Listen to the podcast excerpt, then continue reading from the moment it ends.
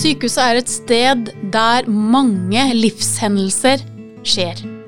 Ting som er vanskelige.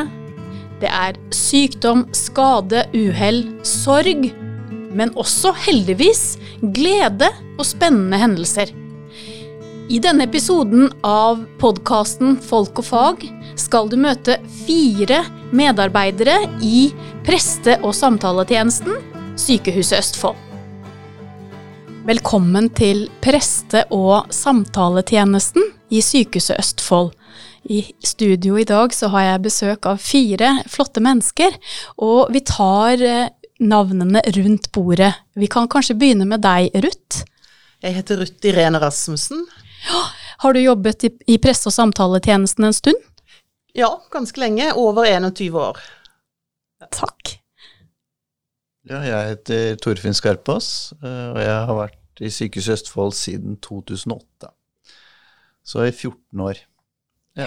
Mm. Og du er hovedprest. Ja, stemmer. Leder for uh, avdelingen. Ja. Mm. Mhm. Og jeg heter Øyvind Heljesund, og en av eh, nykommerne, så jeg har bare vært her i to år. Og jeg er den ferskeste. Jeg heter Maria Lorentzen Spydvold, og jeg har vært her siden juni.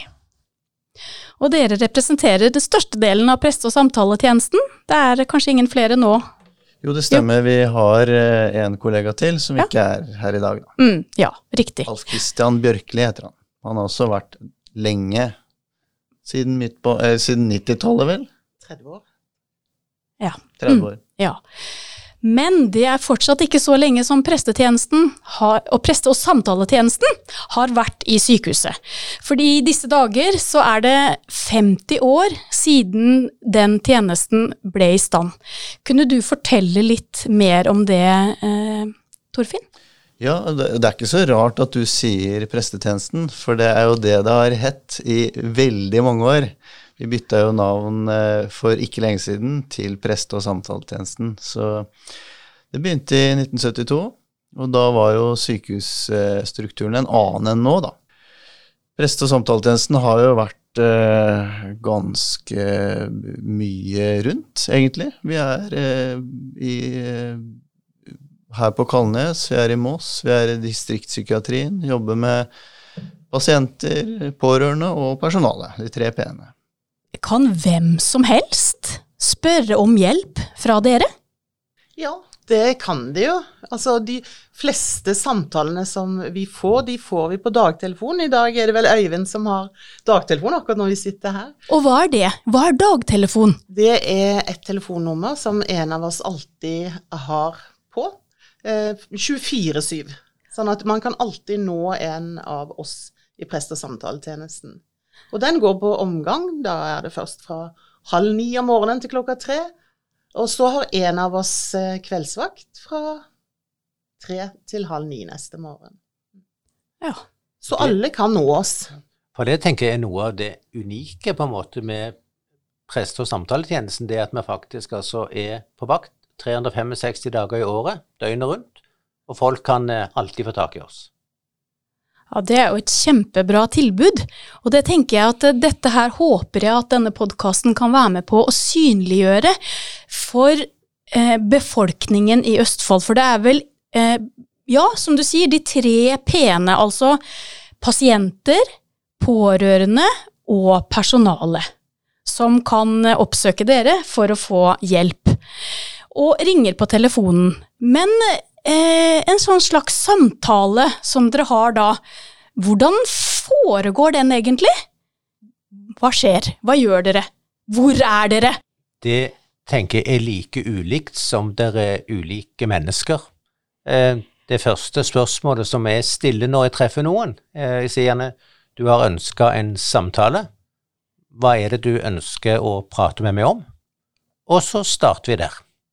Og da kan det være alle de tema som eh, gjelder mennesker, både de er syke og friske og hva det måtte være. Det handler om livet. Har dere noe spesielt sted dere kan få lov til å sitte i fred, holdt jeg på å si? Eller var det eh, eh, Ja, mm, for å ha en sånn samtale, det må jo kreve litt uforstyrret sted? Nå utfordrer du oss veldig når du stiller det spørsmålet der. Ja. Fordi at vi jobber jo i Sykehuset Østfold, Ja. og eh, vi vet jo noe om eh, plass og rom videre, ikke minst her på Kalnes. ja. Eh, så eh, vi har noen rom som vi kan eh, disponere. Og når vi er ute på avdelingene, så eh, selvfølgelig de fleste samtalene foregår jo på pasientens rom, men òg veldig ofte så må vi bare spørre er det et eller annet ledig sted vi kan sette oss inn, og så finner vi en plass hvor det er plass til to stoler, og så Ja. blir det en god samtale likevel. Ja. Vi hadde en forsamtale her, eh, og du nevnte noe med to grunnpilarer, Torfinn, som er bakgrunnen for hvorfor vi skal ha en preste- og samtaletjeneste i sykehuset. Jeg lurer på, kan du fortelle eh, om det? eh, en begrunnelse for at vi har en eh, preste- og samtaletjeneste i sykehuset, er jo menneskerettighetene, rett og slett. At folk skal også når eh, de er syke, få lov til å tro og få lov til å ja, utøve sin tro eller sitt livssyn. Eh, og derfor så har vi jo mulighet til å møte kristne, vi, på det, akkurat det med tro og livssyn å gjøre. Og så har vi kontakt, eh, en liste hvor vi kontakter muslimer eller andre kirkesamfunn eller humanetikere eller hvem det skal være. Så det er den ene tingen. Og så har vi den andre delen som kanskje har med samtaletjenesten å gjøre mer, da. Det er det som Øyvind snakker om, eh, at begrunnelsen da er at vi skal møte de åndelige og eksistensielle behovene som man, man får når man blir syk. Enkelt sagt, altså eh, det som, eh, det som rammer en med sykdom eller, eller død, det skal man få lov til å eh, bli møtt på. Og hva kan det være? Eksempel hvis du får en beskjed om at du har en alvorlig sykdom, så kan jo det slå deg helt i bakken, og du tenker hva, hva nå? Hva gjør jeg nå, nå som jeg har fått denne kroniske sykdommen? Og da kan det være godt å snakke om, med noen om det. Det er typisk noe vi gjør. Mm. Så hvis du f.eks. er inneliggende eh, og får den beskjeden, så kan avdelingen eh, eh, kontakte da dere. Ja, da må du si fra til eh, den som har, de som har ansvar for deg, og så tar de kontakt med oss. Og så kommer vi så snart vi kan. Ja, Mm. riktig. Mm. Og har dere også mulighet til å ha litt sånn oppfølging, altså ikke bare én samtale? Hvordan, hvordan foregår det? Kan man ha flere samtaler eh, hvis man har behov for det? Ja, jeg, jeg vil si at det kanskje typisk er en ja, par-tre samtaler. Eh, nå ligger ikke folk så lenge inne på sykehuset lenger, det Nei. kommer jo litt an på hvor du er innlagt, Mm. men eh, det er kanskje noe typisk. Jeg tenker på dette her, at Vi har jo en del polikliniske samtaler. Ja, det er noen pasienter som går på forskjellige poliklinikker, og da hender det jo at man gjør avtale for neste gang de skal inn. At vi da tar en samtale i den forbindelse. ok. Så det blir på en måte nesten som en del av behandlingstilbudet ved den poliklinikken? Ja, det kan du si. Mm. Ja, det var interessant. Ja, det visste jeg ikke. Ja. Og da er det også opp til da poliklinikken ikke sant, å, å, å, å kalle inn dere eller ta kontakt med dere. Vi ringer til dagtelefonen og sier her er det en pasient sånn og sånn som Ja. har ønske om å prate med en prest. Ja. Kan dere komme? Ja. Og Da er det den som har dagtelefonen som finner en av oss som har mulighet til å følge opp. Mm. Og det var kanskje det som da jeg begynte for to år siden, som var kanskje det mest positive overraskelsen. Det var eh, det veldig gode samarbeidet som vi har med leger og sykepleiere spesielt. Eh, både med at eh, ikke minst at de kaller på oss, at de legger til rette for at vi kan gjøre jobben vår, og de kan gjøre jobben sin. Sånn at eh, jeg tenker Og jeg tror det har noe med at vi er en vanlig sykehusavdeling, og de ansatte har liksom lært seg at det går an å kalle på oss, det går an å bruke oss, og det gjør de. Og det, så enten får vi en telefon fra en sykepleier eller en lege som sier nå har jeg snakka med en pasient, den pasienten eh, trenger å snakke mer, og jeg har nevnt muligheten for å snakke med dere, går det an. Og så blir det sånn. Ja. Og så er det jo noe med det at når man kommer på sykehus, det er jo ikke alltid at det er alvorlig. Eh, Det er jo ikke alltid at eh, det er en dødelig utgang eller at det er veldig lenge, men, men det å komme på sykehus, det gjør noe med oss. Så det å ligge på et rom ganske aleine, om det er med et litt sånn stygt brudd og kanskje ikke få dratt på den ferien du hadde tenkt, eller få vært hjemme, så, så får man en reaksjon på det òg. Mange tenker at ja, du får vite om hvordan nå skal vi operere kneet ditt eller leggen din, og så skal du ha opptrening, og så glemmer man kanskje litt det som skjer i, i hodet. Man glemmer litt at man blir litt uh, aleine over lang tid, at man mister litt kontrollen over egen kropp, og, og, plutselig så er situasjonen en helt annen enn hva han hadde tenkt og hva han er vant til, og det, det gjør også at man kan få behov for å kanskje fortelle noen om hytta i Sverige, eller bikkja, eller hva det måtte være, fordi at det er litt sårt, og det er litt sånn rart å ikke være der man pleier å være, da. Rett og slett en veldig god samtalepartner. Mm. Mm, mm. Vi liker å tro det, da. Ja. mm. Eh, så dere har altså rett og slett en veldig bredde i tilbudet eh, som dere har både til pasienter, pårørende og personale. Du nevnte i stad, Øyvind, at det er faktisk en god del av personalet som tar kontakt med dere også. Ja, vi har på en måte tre-fire ulike sånn, si, tilbud til personalet. Det ene er jo eh, at vi er til stede på en del avdelinger på faste tidspunkt. Eh, en gang i uka eller annenhver uke, hvor eh, vi rett og slett sier nå er vi inne på eh, personalrommet. Har noen behov for en prat, så kom innom.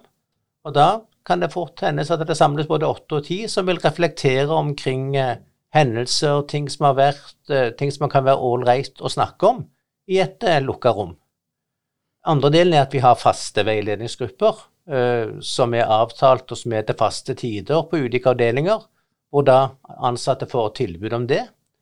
Eh, det tredje er knytta til eh, altså enkeltsamtaler, hvor det har vært eh, hendelser eller ting som det kan være godt å få prate ut om.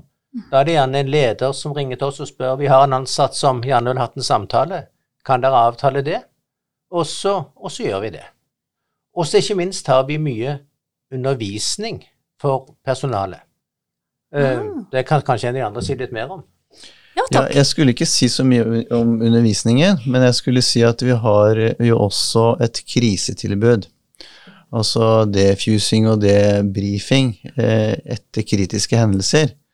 Så det er også en ting som vi gjør mye av. Eh, det må blant, du forklare uh, mer for meg, altså, Torfinn. Ja, det, hva du sa det Debrifing og defusing, tekniske ja, det, termer som ja. Ruth her har mer greie på enn meg, så hun skal få lov å si litt om det. Ja, ja, gjerne.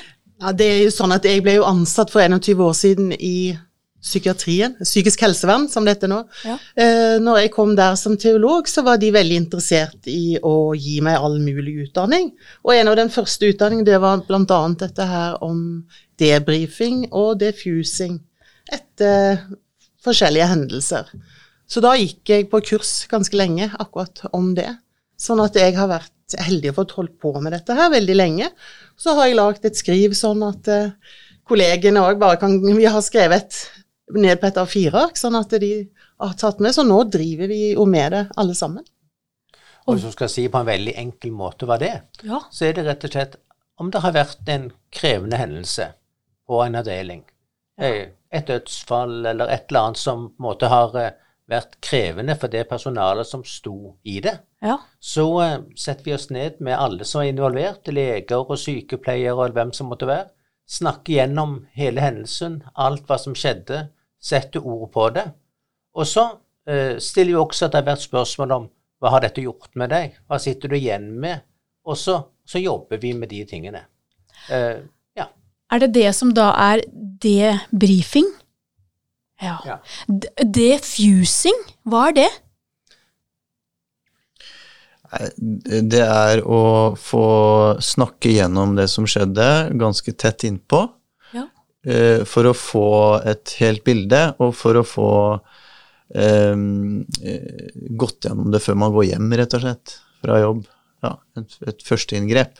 Et førsteinngrep, ja. Så det er kanskje noe man gjør først, og så blir det mer debrifing etterpå, kanskje? Ja. Det høres for meg ut som veldig viktig. Hva er bakgrunnen for at uh, man gjør defusing og debrifing? Hva, hva er fordelene med å gjøre det? Det er jo for at de ansatte skal få lov til å bearbeide det de har vært gjennom, og at man skal sitte sammen med den gruppa man har jobba med, og få lov til å si Gå kronologisk litt gjennom hendelsen. eh, for at eh, man ikke skal gå og bære med seg ting som man ikke har bearbeida i det hele tatt. Eh, sånn at det blir lettere neste gang, kanskje at man gjenkjenner dette. 'Å ja, det der gjorde jeg sånn'. Eller så kan man bli veldig Ja, man kan fryse til. Man kan det kan hende at man ikke helt klarer å skjønne hva som foregår i hodet hvis man ikke har fått lov til å bearbeide tidligere erfaringer. Så det er sånt det, det kom i gang. Og det er jo brukt veldig mye. i Forsvaret, politi, brannvesen. Mm. Så når jeg tok den utdanningen, så tok jeg den sammen med alle de forskjellige yrkesgruppene som jeg nå nevnte. Mm. Spennende. Jeg har hørt at dere da skal feire 50-årsjubileet den 8. november, og at dere har satt et tema for den dagen. Hva er det?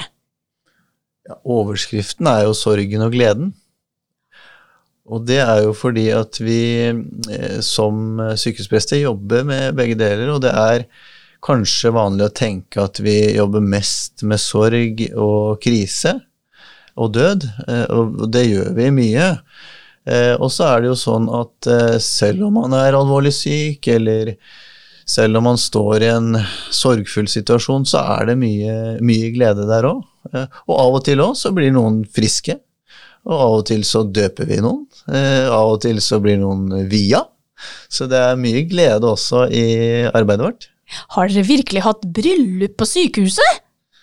Jo, det hender faktisk noen ganger i løpet av et år at noen ønsker å vie seg. Noen har kanskje planlagt det lenge, Ja. og så blir den ene veldig syk, og så tenker de nei, nå må vi få gjort det mens vedkommende er frisk, da. Eller er frisk, eller før Ja. vedkommende går bort òg. Ja. Noen har behov for å gjøre det. Vi har kanskje venta litt for lenge med det. og Da gjør vi alt vi kan og hiver oss rundt for at de skal få gjøre det.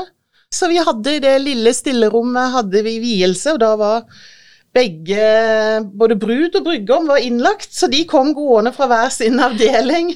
Og så hadde vi fest og kake inn i kantina, og det var glede. Og så, i løpet av bare noen måneder, så hadde jeg faktisk begrava begge to.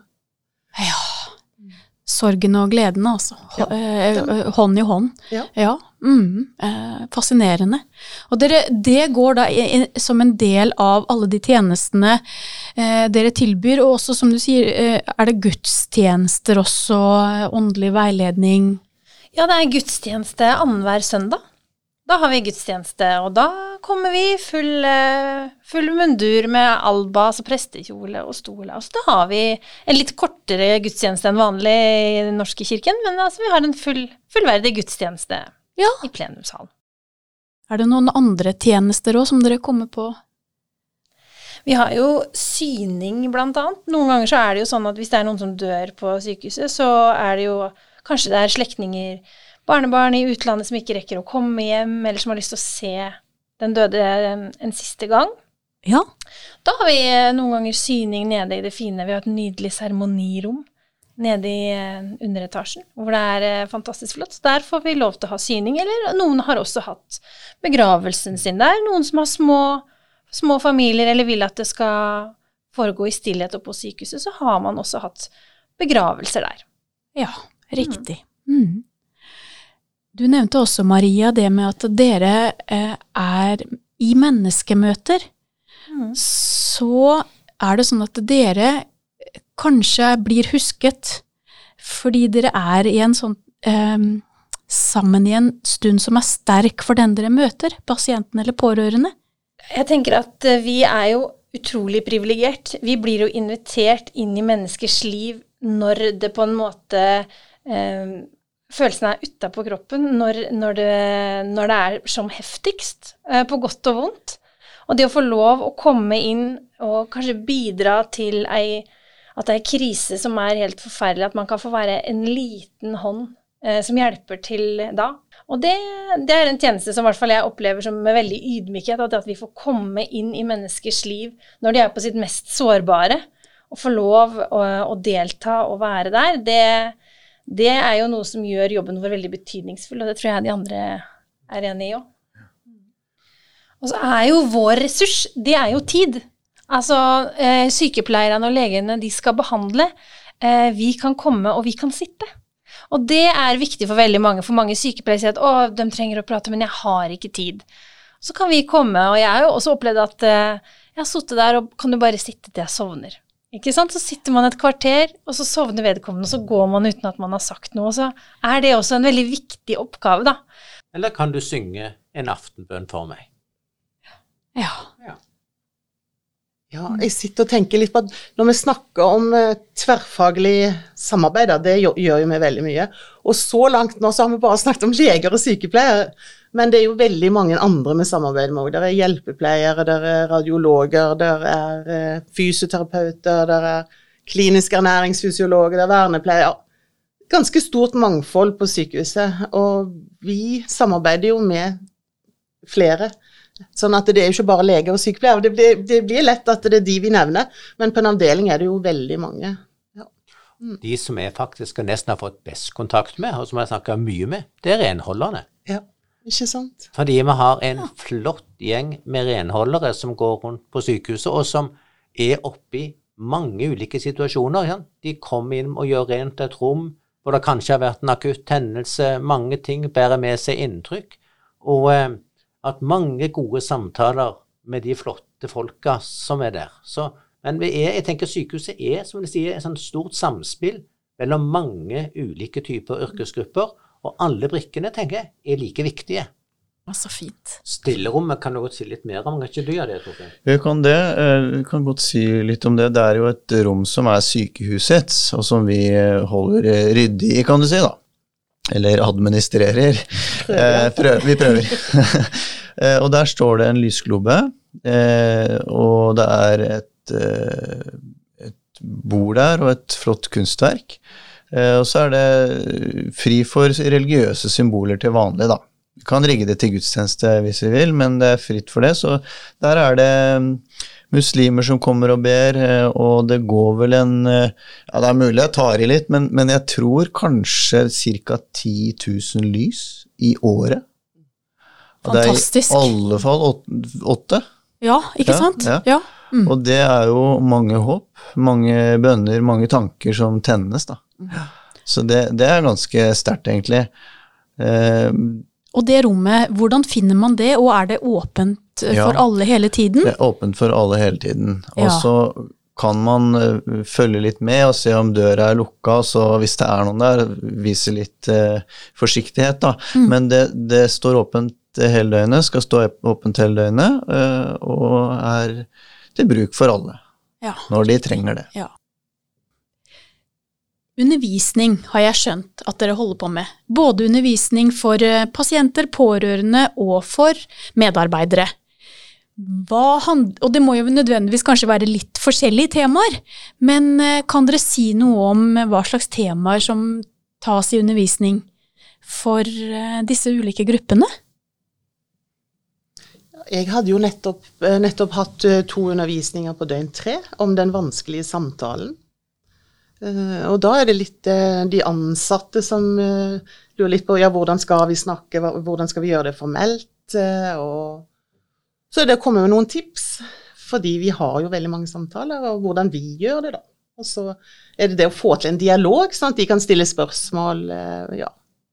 Ja, En av de siste undervisningene som jeg hadde, eller jeg hadde sammen med Torfinn faktisk, da underviste vi om hvem hjelper hjelperen. Altså om eh, hvordan ansatte kan eh, ta vare på seg sjøl. Eh, når det gjelder pasienter, så er det mange ulike temaer. Eksempel så hadde jeg forrige uke eh, to undervisninger for eh, pasienter som er kronisk syke, og er hvordan eh, leve med en kronisk sykdom hvilke utfordringer man møter med en kronisk sykdom. Og det handler jo også på en måte om tap. Tap av helse, sorg, og normalisere alle de reaksjonene som man får når man har fått en kronisk sykdom som man kanskje må leve med resten av livet. Og så er det jo også det med, med barn. Det, jeg er jo gammel lærer, så det er jo sånn eh, fanesak for meg. For de som kommer på sykehuset, de har veldig ofte barn eller barnebarn eller søsken. Eh, og de eh, skal jo også snakkes med når store og små hendelser skjer, og de må ha et annet språk. Så da gir vi opplæring til de som er barneansvarlige da, på sykehuset, som skal sørge for å, at barna på de ulike avdelingene som, som er pårørende eller pasienter, også blir ivaretatt og får forklart ting på en god måte som gjør at de forstår. Ja, og så kan det være eh, å møte alle mennesker med respekt. Eh, F.eks. et sånt fre, fremmed flerkulturelt perspektiv, da. Det kan det være. Eh, eller jeg hadde en undervisning på grunnkurs i palliasjon, som det heter. Dette blir jo fremmedord, men eh, i smertelindrende behandling. Også åndelig og eksistensiell omsorg, som jeg nevnte i stad, ved livets slutt. Det hadde jeg en undervisning om. Du nevnte også at dere hadde noen grupper i, for, innenfor rus og psykisk helsevern. At det er noen grupper eh, der? Mitt høydepunkt hver uke, nå er jeg veldig ærlig, det jeg gleder meg aller mest til, det er mandagen. For mandagen da er jeg knytta til eh, to avdelinger inne i Moss. Eh, det som har med avrusning å gjøre, og det som har med utredning å gjøre. Og min hovedoppgave der er å ha samtalegrupper med pasientene. Og der møter jeg de flotteste menneskene som jeg tror jeg har møtt noen gang. Der snakker vi sant om livet. Der snakker vi om eh, det vi får til i livet, men også alt det vi ikke får til. Vi snakker om drømmene. Og jeg, skulle nesten unna folk å vært med og møte den gjengen, hvordan man heier på hverandre. Man kjemper med veldig tøffe ting, men man er der fordi man ønsker å på en måte komme videre i livet, prøve å sette seg noen mål og det å få lov å være prest i en sånn sammenheng, det er et kjempeprivilegium. Og du får gjøre noe av det samme på torsdager i Halden, så? Ja, jeg er også i Halden og har disse faste gruppene på psykiatriposten og på posten for spiseforstyrrelse. Og det å få lov å bli med inn i, inn i den heiagjengen der, eh, og og blir et medlem på en måte nesten mer enn en eh, hva skal jeg si, ordstyrer der. For der får, det er liksom de som styrer samtalen, og så er vi, eh, er vi bare litt sånn med. Og det er, det er, veldig, veldig fint, altså. Er Da får man liksom hele fargepaletten av livet på én arbeidsdag. Det er veldig flott. Det her høres kjempespennende ut. Ut ifra samtalen nå så skjønner jeg jo også at dere beveger dere rundt i Østfold på de ulike stedene som sykehuset er eh, representert. Eh, vil dere bare si litt mer om eh, Ja, hvis jeg f.eks. ikke bor i Sarpsborg og tilhører Kalnes, men et annet sted, hvordan kan jeg da få lov til å komme i kontakt med dere? Hvis jeg bor i Halden eller Askim, eller hva gjør jeg? Altså, eh preste- og samtaletjenesten er jo for pasienter som er innlagt, eh, eller som kommer til eh, poliklinisk samtaler, som Ruth sier. Sånn at eh, du fungerer jo sånn at kontakten etableres gjennom det stedet du er. Så kan jo f.eks. at du har noe med øyet ditt, da, og da er du i Moss. Ja. Gjerne da i hvert fall for, på, i poliklinikken der. Mm. Og da kan eh, personalet der formidle kontakt med oss. Eh, eller på dialysen, eller eh, hvis du er i psykiatrien der, distriktspsykiatriske sentre, eller hvor du skulle være i Moss. Eller de andre stedene. Ja. Så geografi er heldigvis ingen hindring. Det er denne vakttelefonen som det er bare å ringe, og så er det en eller annen prest som popper opp. Jeg tenker at vi nærmer oss avrunding av episoden, men jeg sitter her med et spørsmål på tunga. Hva er det viktigste som eh, lytteren kan ta med seg ut fra den samtalen som vi har hatt nå? Hvis jeg skal svare for min del, så tenker jeg at det viktigste er at vi tenker vi alle er mennesker. Og når vi som mennesker opplever ulike typer av kriser i livet, så jeg, tenker jeg at da er det godt å kunne vite at vi har noen å snakke med. Noen å kunne sette ord på disse tingene med. Kanskje også det handler litt om at vi er sammen og bærer hverandres byrder. Ja, jeg tenker at det å, å komme og ligge på sykehus iallfall, og være ganske syk, så ligger du på enerom, og det er kanskje fire hvite vegger rundt deg. Eh, og du, som Maria nevnte tidligere, hvis du har et brudd eller du kan ligge ganske lenge der, så begynner tankene å svive ganske mye. Eh, og du kan begynne å lure på det holder på å klikke for meg nå, eller hva gjør det? Og da er det noe med det som Øyvind òg er inne på, at vi kommer inn, setter oss ned og prater sammen, og de får lov til å fortelle hva de tenker. Eh, og, og så sier de du tror du det har klikka for meg nå? Så sier jeg nei, jeg syns det høres veldig normalt ut. Så jeg tenker noe med å alminneliggjøre, ja. Å høre på og bli forstått. Mange blir det iallfall. Selvsagt så er jo ikke bare vellykka samtaler vi har heller. Nei, det er jo sånn at når vi kommer inn og skal ha en samtale, eller når vi treffer noen, så har jo vi taushetsplikt. Så det er jo ingenting av det som blir sagt uh, i en samtale med oss som skrives inn i noe journal, i motsetning til de som skal behandle. Så uh, den uh, samtalen, den er innenfor de fire veggene som vi er. Jeg, er, har, jeg har lyst til å si at jeg er så veldig stolt av prestene mine. Det er jeg som er lederen, som dere kanskje hørte. Det er kjempeflotte folk. Og at det er ikke noe, er ikke noe Man skal ikke nøle med å ta kontakt med, med dem. Og så vil jeg ikke at folk skal sitte med at eh, vi syns vi er så kjempeflinke. Fordi dere har hørt om alt som vi gjør, men jeg vil at folk skal sitte med at uh, skal være lav terskel for å snakke om ting. Er det noe, så, så ta kontakt, uh, og så får du hjelp, uansett hvem du er. Eh, så det vil jeg gjerne folk skal sitte med. Tusen takk for at dere deltok i denne episoden.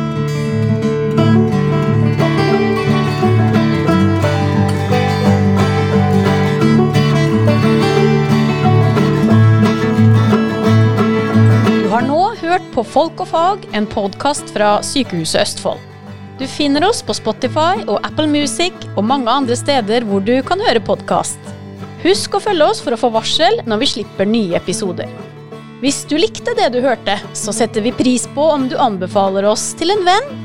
Og hvis du vil vite mer om temaet i dagens episode, finner du mer informasjon og relevante lenker i beskrivelsen av episoden.